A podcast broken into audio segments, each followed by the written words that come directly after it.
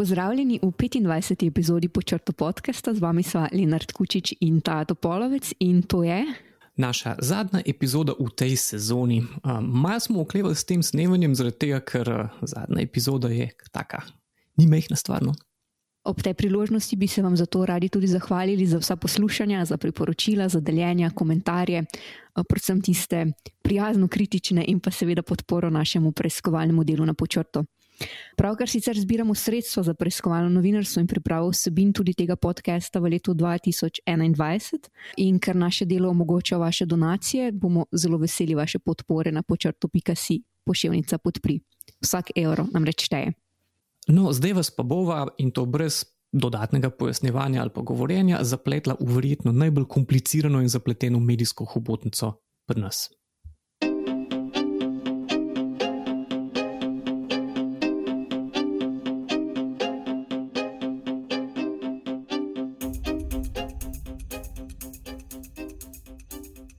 Smo junija 2017 in založniška družba Adria Media je prijavila Svet 24 na Inšpektorat Republike Slovenije za kulturo in medije ter na Agencijo za komunikacijsko mrežo in storitve zaradi domnevnega kršenja medijske zakonodaje. V družbi Adria Media so v prijavi zapisali, če kar citiram, na spletni strani ter v svojih ponudbah za oglaševanje družba Svet 24 predstavlja svoje medije in sicer časopise, revije, radio in televizijo in splet. Pri tem pa gre za eklatantno kršitev medijske in konkurenčne zakonodaje, ki terja takojšnje ukrepanje nadzornih organov. Konc citata.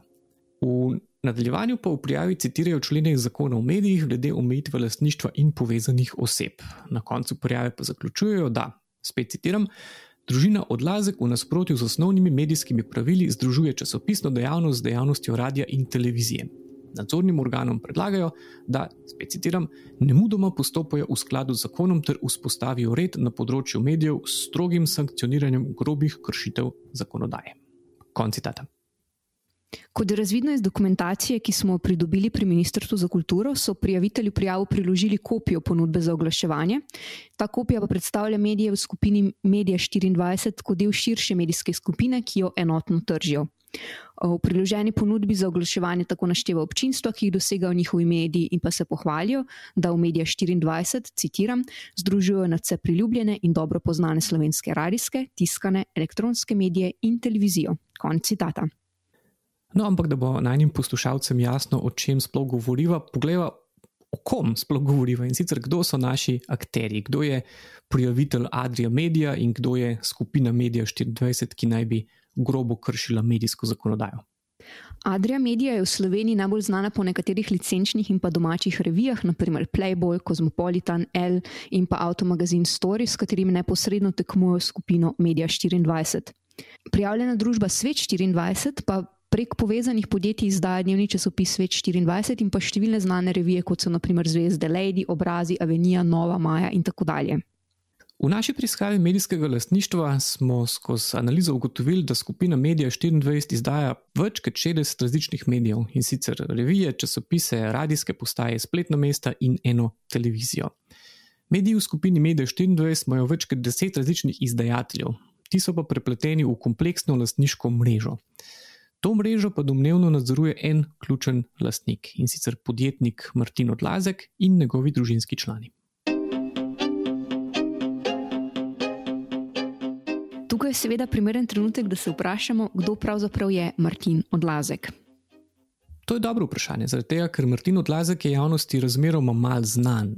Ne daje intervjujev, ne pojavlja se v javnosti in njegove skoraj edine fotografije, ki jih lahko kdaj vidimo ob kakšni objavi, so nastale pred kranskim sodiščem.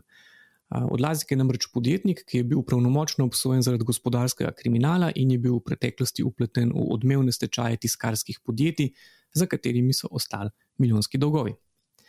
Zdaj, sama njegova medijska zgodba se pa začne že kmalu po osamosvojitvi in sicer s ustanovitvijo znanega Salomonovega oglasnika.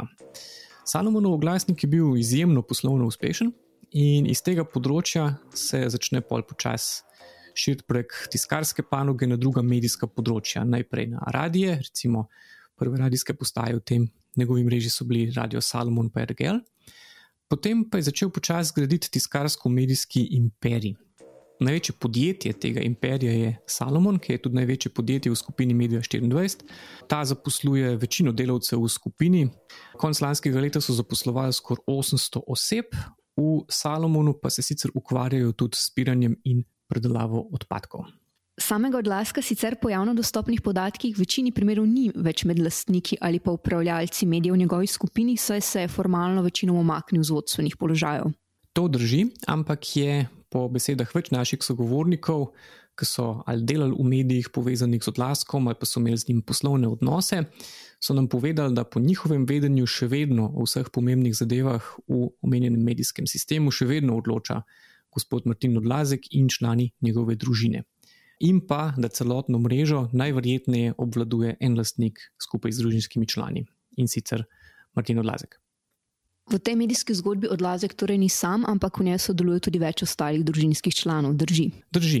Odlaskovi so s skupino Media 24 najbolj neposredno povezani prek njihovega družinskega podjetja Eurofit. To podjetje je po vlasti Martina Odlaska in njegovih sedmih otrok, od teh so pa nekateri še mladoletni. Zdaj, Martin Odlazek je največji posamični lastnik podjetja in njegov dolgoletni direktor. Zdaj, to mesto je prepustil sinu Domnu. Eurofit je pa 100-odstotni lastnik dolenskega regionalnega tednika Dolenski list, ta pa je večinski lastnik Salomona, za katerega smo pa že povedali, da je usrednje in največje podjetje v skupini Media 24. To pa še ni vse, zato ker z družino Odlazek je povezana tudi lastnica družb Svet 24 in Media 24 Alena Nardini, ki se je preimenovala Alenka Odlazek. Ona je pa nekdanja žena Martina Odlaska in mati dveh skupnih sinov. No, s tem se pa sorodstvene povezave še ne končajo, zato ker del skupine Media 24 je tudi politični tednik Reporter. Tega izdaja družba Reporter Media, edina lastnica Reporter Medije pa je Tara Milikič. Ona je pa zasebna partnerka enega izmed odlaskovih sinov. Vrnimo se torej k prijavi Adria Medije. V družbi Adria Medija so prijavili na medijski inšpektorat ter na Agencijo za komunikacijsko mrežo in storitve, trdili tudi, da v skupini Medije 24 kršijo določbe o združevanju različnih dejavnostih medijih, saj da so, citiram, z namenom zakonskega obida, konec citata, ustvarili mrežo podjetij, v katerih, spet citat, nasprotju z osnovnimi medijskimi pravili združuje časopisno dejavnost z dejavnostjo radia in televizije. So imeli prav. Na prvi pogled se zdijo trditve Adrije medije prepričljive, zato ker eh, Media 24 na svojem spletnem mestu javno predstavlja kot medijska skupina. Morebitnim oglaševalcem pošiljajo skupno ponudbo za oglaševanje, eh, medijska podjetja v skupini delujejo na vseh treh medijskih področjih, izdajajo dnevni časopis, številne radijske postaje in eno televizijsko postajo. Res pa je tudi, da medijski zakon tega ne dovoljuje. Kot smo že omenili, torej skupina Media 24 izdaja več kot 60 različnih medijev, med njimi revije, časopise, radijske postaje, spletna mesta in eno televizijo. Vendar po omenjenih medijev ne izdaja eno medijsko podjetje, namesto tega ima v skupini Media 24 več kot 10 različnih izdajateljev, ki so prepleteni v kompleksno lastniško mrežo. Ampak, preden si to lastniško mrežo pogledamo od blizu, pogledajmo, kaj glede medijskega lastništva določa obstoječa medijska zakonodaja. Zakon o medijih določa, da hm, tole bo zdaj malo zapleten. Izdajatelj splošno informativnega tiskanega dnevnika ne sme biti hkrati tudi izdajatelj radijskega in televizijskega programa ali pa obratno. Hkrati pa smejo imeti izdajatelji splošno informativnega tiskanega dnevnika, radia ali pa televizije največ 20-odstotni lastniški ali upravljalski delež v drugem izdajatelju. Oziroma, če dam primer, če hočejo pridobiti 20-odstotni delež ali več, potem morajo najprej pridobiti soglasje Ministrstva za kulturo, ki je pristojno za izvajanje zakona o medijih.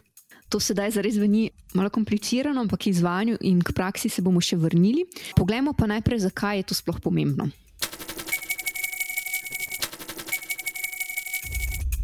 Prepoved združevanja različnih medijskih dejavnosti je pomembna zato, da posamična medijska podjetja ne morejo neomejeno prevzemati drugih medijskih podjetij. Da recimo izdajatelj televizije, da se ne morejo neomejeno širiti recimo v radijsko ali pa časopisno dejavnost. Sploh zato, ker so televizije ponavadi med največjimi igravci na medijskem trgu. Brez teh omejitev bi lahko taki veliki igravci pridobili preveliko moč na medijskem trgu in s tem tudi moč nad javnim mnenjem, zmanjšali bi medijsko raznolikost in potencialno začeli omejevati konkurenco na medijskem trgu. Kljub tej zakonski omejitvi pa najdemo v skupini Media 24 vse tri omenjene medijske dejavnosti, torej tako dnevni splošno informativni časopis, kot pa tudi številne radijske in eno televizijsko postajo. Vprašanje tukaj je sedaj, ali s tem njihov medijski sistem že krši medijsko zakonodajo. Ja, to je dobro vprašanje, ker kot smo že omenili, morajo imeti izdajatelji splošno informativnega tiskanega dnevnika, radio ali pa televizije največ 20-odstotni lastniški ali pa upravljalski delež v drugem izdajatelju, mislim, to ga smejo imeti. Če pa hoče pridobiti 20 ali več odstotkov, pa morajo najprej pridobiti soglasje Ministrstva za kulturo, ki je pristojno za izvajanje zakona o medijih, pa ne samo za izvajanje zakona o medijih, ampak tudi za presojo morebitnih negativnih učinkov take združitve na medijski prostor in na pluralizem. No, ampak v analizi omrežja Medija 24 smo pa ugotovili, da se številni posamični lastniki, tako, oziroma njihovi deleži v medijih, ustavijo tako točno pri 19 ali pa celo 19,9 odstotkih, kar je natanko pod to 200 odstotno mejo, pri kateri bi morali pred vsakim prevzemom drugega izdajatelja pridobiti soglasje regulatorja, torej Ministrstva za kulturo, ki bi moralo tudi presoditi a je to v redu ali ni. Kaj torej lahko sklepamo iz tega? Ja, za takšne poslovne deleže res ni kašnega poslovnega razloga, zato ker kjer lastnik bi pa želel imeti točno 19,9% lastništvo. To pa kaže na veliko verjetnost poskusa izigravanja medijske zakonodaje, na kar so opozorili tudi pri Adria Media. Torej, vrnimo se sedaj k prijavi začetka naše zgodbe in sicer, če povzamem, Adria Media poda prijavo, ki obravnava medijski inšpektorat. Ker že kot rečeno, zakon omejuje združevanje izdaje splošno informativnih dnevnih časopisov za radijsko ali pa televizijsko dejavnostjo, torej v inšpekcijskem postopku ugotavljajo predvsem, če je dnevni časopis Svet 24, ki ga družba izdaja res splošno informativni dnevnik, in pa če je družba Svet 24 hkrati izdajateljica televizijskega ali radijskega programa. Prav tako ugotavljajo, če Alenka Odlazek zdaj naredini, torej edina lastnica družbe Svet 24, ni hkrati tudi lastnica družbe, ki izdaja radijski ali pa televizijski program. Inšpekcija v inšpekcijskem postopku gotovi, da je Svet 24 splošno informativni časopis, katerega izdajatelj sicer trdi, da gre za informativno razvedrilni časopis. Vendar pa v inšpekcijskem postopku ne najdejo povezave med lastništvi Alenke Odlazek, zdaj Nardini in pa med izdajatelji televizijskega ali radijskega programa v skupini Media 24. Zato prijavo Adria Media zavrnejo in ustavijo inšpekcijski postopek. No, in tukaj naletimo na ta ključen problem medijske regulacije, na katerega smo opozorili med preiskavo skupine Media 24. In to je na to razliko med lastnikom in izdajateljem medija. Ker zakon posamičnim izdajateljem prepoveduje hkratno upravljanje časopisne radijske in televizijske dejavnosti. To pomeni, da recimo, če je Svet 24 izdajatelj dnevnega časopisa, ta ista podjetje, Svet 24 oziroma izdajatelj, ne sme biti hkrati tudi izdajatelj radia in televizije. Ampak taka omejitev pa po razlagi Ministrstva za kulturo ne velja za medijske lastnike, kar pomeni, medijski lastnik lahko za vsako dejavnost ustanovi ali pa prevzame drugega izdajatelja, kjer jih pri enem izdajo časopis, pri drugem radije in pri tretjem televizijski program. V preiskavi smo pa ugotovili, da cela skupina Media 24 deluje po natanko takem načelu, kar pomeni, Svet 24 izdaja časopis in del revij. Pa družba Salomon izdaja revije in je lastnik televizijskega izdajatelja TV Veseljak. Družba RGL pa predstavlja radijski stebr skupine v Media 24 in je največji izdajatelj radijskega programa v skupini. Zdaj, vse omenjene družbe pa so prepletene v nepregledno lastniško mrežo, ki smo jo podrobneje predstavili v preiskavi.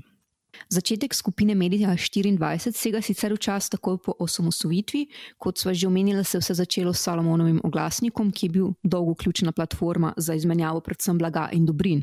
Salomonov oglasnik sicer še vedno izhaja, po njem pa se imenuje tudi njegov zdajšnji izdajatelj in sicer družba Salomon. No, kot sem že povedala, je Salomon največje podjetje v skupini Medija 24. Tam je zaposlena večina od skoraj 800 delavcev v skupini Medija 24. Zdaj to ne pomeni, da so to samo novinarji, oziroma da zaposlujejo 800 novinarjev, ampak so to še vsi drugi različni profili, zato ker odlaskovi ne opravljajo samo medijske dejavnosti, ampak so med njihovimi področji še tisk, distribucija in zbiranje in predelava odpadkov. Tukaj je mogoče zanimivo omeniti še, da večina najbolj znanih revij, ki jih izdajo v skupini Media 24, izhaja še iz nekdanjega največjega revijalnega založnika Delo revije, ki je končal v stečaju leta 2012. Med najbolj znanimi naslovi so Zarja Jana, Vklop Stop, Naša žena ženska in pa športni dnevnik ekipa oziroma SN. So pa tudi lastniki podjetja Veseljak TV, ki izdaja televizijo TV Veseljak. No, ampak če se vrnemo k tej osnovni temi. Družbo Salomon družina Odlazek obvladuje prek njihovega družinskega podjetja Eurofita, ki je v lasti Martina Odlaska in njegovih sedmih otrok, kot smo že povedali. Največji posamezni delež ima gospod Martin Odlazek in sicer 44 odstotkov, ostali deleži po 8 pa so zapisani na otroke, med katerimi so eni še mladoletni. Zdaj, Eurofit ni neposredni lastnik Salomona, zakaj bi bilo to enostavno, temveč je v Salomon udeležen prek dolenskega lista, To je pa družba, ki izdaja regionalni tednik z istim imenom. Preostali delež Salomona, približno 45 odstotkov, pa ima državna družba za upravljanje s terjatami bank ali slaba banka, ki je ta delež jeseni 2018 kupila na javni dražbi po stečaju skupine Krater, nekakšne predhodnice Media 24. Salomon pa je tudi največji posamični in sicer tretjinski lastnik podjetja Ergel ki, kot so že rekla, predstavlja radijski stebr v skupini Media 24, med njihovimi najbolj znanimi postajami pa so RGL, Salomon, Veseljak in predvsem Aktual. Alena Nardini oziroma Alenka Odlazek, bivša žena Martina Odlaska, pa je ključna oseba v četrtem stebru skupine Media 24. Kot smo omenili že na začetku, je družba Svet 24 izdajatelj dnevnega splošno-informativnega časopisa Svet 24 in pa lastnik podjetja Media Partner, ki ob Salomonu prav tako izdaja več revij. Svet 24 je tudi lastnik podjetja Media 24, ki prek podjetja Tretje revije, to je ime podjetja, izdaja še nekaj revijalnih naslovov. Ob tem je prek povezanih podjetij tudi solastnica izdajatelja radio tednika Ptuj in pa Radia Celje. Zdaj, tukaj se stajajo res globoko upravičujejo, ker kršijo vsa pravila podkastov, ki ne bi imeli čim manj imen, pa številk, ampak enostavno ta mreža je tako kompleksna, da jo moramo opisati na tak način. Absolutno pa priporočava predhodno ali pa pol ogled naših infografik, kjer je vse to mečkam bolj pregledno zrisan, vsaj upamo. No, ampak primer te skupine Media 24 pa pač jasno pokaže, da je mogoče v Sloveniji zelo preprosto izigrati medijsko zakonodajo in neomejeno nakupičiti medijsko lasništvo.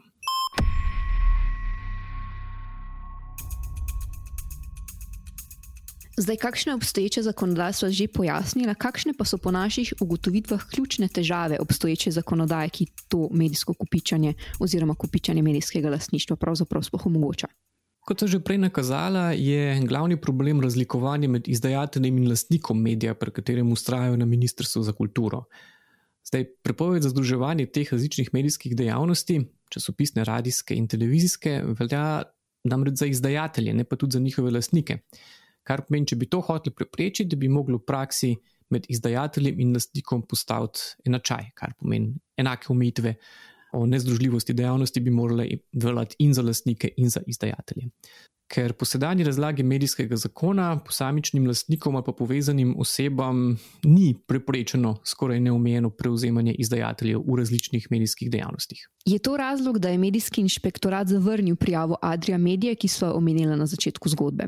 Tako lahko sklepamo iz pridobljene dokumentacije, zaradi tega, ker je razvidno, da skupine Medija 24 niso obravnavali v celoti in niso preverjali, na kakšen način njeni lastniki ustanavljajo ali pa prevzemajo izdajatelje v različnih dejavnostih. In to kljub temu, da so jih na to opozorili na svetu za radiodifuzijo, kjer so prav tako obravnavali prijavo Adrije Medije. So pa povezave na ministrstvu ugotovili v nekem drugem primeru, ki je prav tako povezan z medijsko skupino Media 24.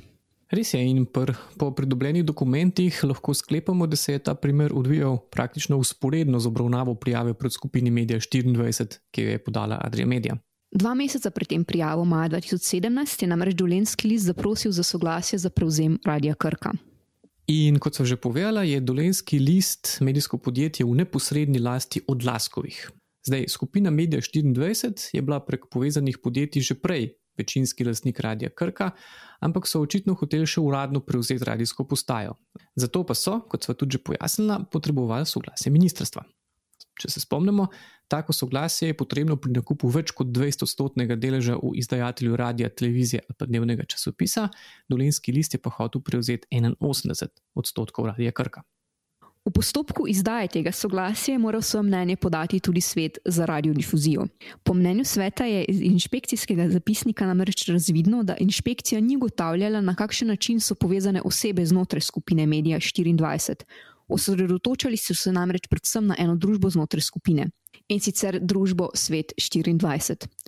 Zato po mnenju sveta kršitve, ki je bila prijavljena, inšpekcijski nadzor sploh ni obravnaval in posledično so Ministrstvu za kulturo podali negativno mnenje k izdaji soglasja družbi Dolenski list za pridobitev večinskega deleža Radia Krka. Ta primer je tudi zato zelo zanimiv, ker so na kulturnem ministrstvu v tem primeru ugotovili, da je predlagani prevzem morda sporen. Zdaj, zakaj? Ker so ugotovili, da sta odlaskovo podjetje Eurofit in družba Svet 24 njegove bivše žene Alene Nardini med seboj povezani. Kar pomeni, da bi s prevzemom Radia Krka prišlo do situacije, ko bi imel povezani izdajatelj v lasti tako tiskan dnevni časopis kot radijsko postajo, kar pa zakonsko ni dopustno. In zato so v obrazložitvi zapisali, da je po prepričanju ministrstva jasno razvidno, da bi nameravana pridobitev lastniškega deleža v Radiu Krka samo še povečala oziroma utrdila medijsko koncentracijo skupin Eurofit in Media 24 ter zmanjšala pluralnost lastništva. In zato dolenskemu listu niso izdali soglasja za prevzem. So se na dolenskem listu potem odpovedali prevzemu Radia Krka? Zvedeli smo, da so se v skupini Media 24 kljub temu odločili, da bojo prevzem Radia Krka izpeljali. Ampak da so pa lastništvo razdelili med različne lastnike, to pa tako, da noben posamični lastnik ni prevzel 20-odstotnega deleža, za kar bi seveda potrebovali soglasje Ministrstva za kulturo, ki ga niso dobili. Največji posamični lastnik Radia Krka so torej zdaj Dolenski list, pa podjetja Luxurija, posameznik Ivan Kralj in še eno podjetje, ki ima vsak po 19-odstotni delež. Manjše deleže imata pa še podjetja Marmet in Kurator Nova, za katera smo pa ugotovili in za vsa druga omenjena podjetja, da so del skupine Media 24. Kar pa pomeni, da je lahko družina odlazek tudi brez soglasja ministrstva izvedla prevzem Radia Krka. Za lažje razumevanje povezav med odlaskovimi mediji pa vam sicer še enkrat priporočamo ogled naših infografik, kjer smo se res potrudili, da bi kar najbolj pregledno predstavili celotno mrežo in vse njene dele. Povezave do te infografike najdete v opisu te epizode.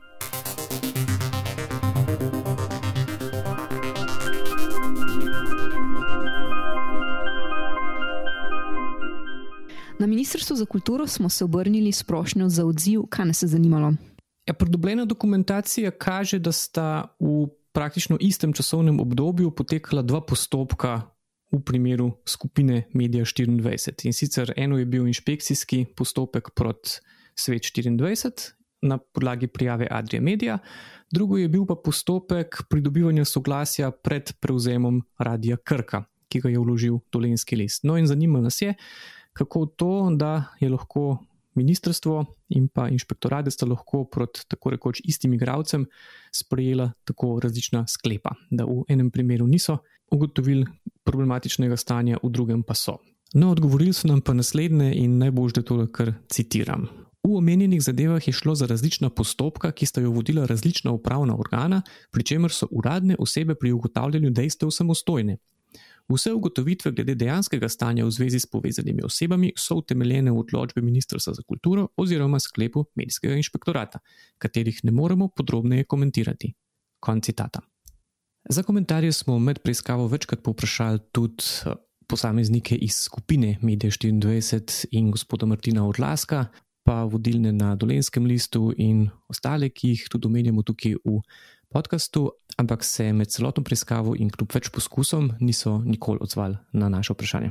Da vas za zaključek pogleda, če kakšne probleme na medijskem trgu pravzaprav razkriva ta primer obravnave skupine Media 24. Med našo preiskavo smo izpostavili več problemov, ki jih pomeni obstoj take medijske skupine. Zdaj, ena je, da recimo bralec reporterja ali pa časopisa Svet 24 poslušalec radia Aktual, bralec Zarije Jane ali pa gledalec televizije Veselak ne more vedeti, da imajo vsi omenjeni mediji domnevno enega lastnika in sicer podjetnika Martina Odlaska, ki je bil pravnomočno obsojen zaradi gospodarskega kriminala. Poleg tega pa je skupina Mede 24 pokazala, da se je res mogoče razmeroma preprosto izogniti omejitvam medijskega zakona zato ker isti lastnik očitno lahko za vsako medijsko dejavnost ustanovi ali pa prevzame drugega izdajatelja, enega za časopisno, drugega za radijsko in tretjega za televizijsko dejavnost, kar pa je nekako v nasprotju z namenom medijskega zakona. Če pa lastništvo razdeli še med povezane lastnike, od katerih nihče ne preseže 20-odstotnega lastniškega deleža v izdajatelju časopisa, radia ali pa televizije, pol pa ne potrebuje niti zadnje varovalke in to je soglasja regulatorja, torej Ministrstva za kulturo, ki mora presoditi posledice take združitve na medijski trg in na medijski pluralizem. Vse to so mehanizmi, s katerimi so tako zakonodajalci kot politika že zelo dolgo seznanjeni in ki medijskim lastnikom omogočajo nepregledno kupičanje medijskega lastništva, sporno povečanje vpliva na javno mnenje in pa postopno ustvarjanje prevladujočega položaja na trgu, pred katerim v praksi torej ni učinkovite varovalke. Vse to je pa še zlasti problematično v obdobju, ko na slovenski medijski trg vstopajo novi lastniki in neuvirano prevzemajo, ali pa so že prevzeli nekatera naša največja domača medijska podjetja, recimo Planet TV, Novo TV, Infonet. In med temi velikimi podjetji so celo taka s prevladujočim položajem na trgu, kot recimo Pop TV na kanal. Skupino Media 24 je od lani sicer lastniško povezano še podjetje Infonet, kar si ravno kar omenil, nekoč konkurenčni izdajatelj komercialnih radijskih postaj. V primeru Infoneta so na kulturnem ministrstvu ugotovili, da Salomon z nakupom 19,9 odstotnega deleža Infoneta ni presegel zakonskih omejitev, niso pa ugotavljali morbitnih povezanih oseb, ki so po naših podatkih skupaj že večinski lastnik družbe Infonet. Z morebitno združitvijo obeh skupin, torej Media 24 in Infoneta, pa bi po mnenju več naših sogovornikov nastal praktično monopol na trgu komercialnih radijskih postaj.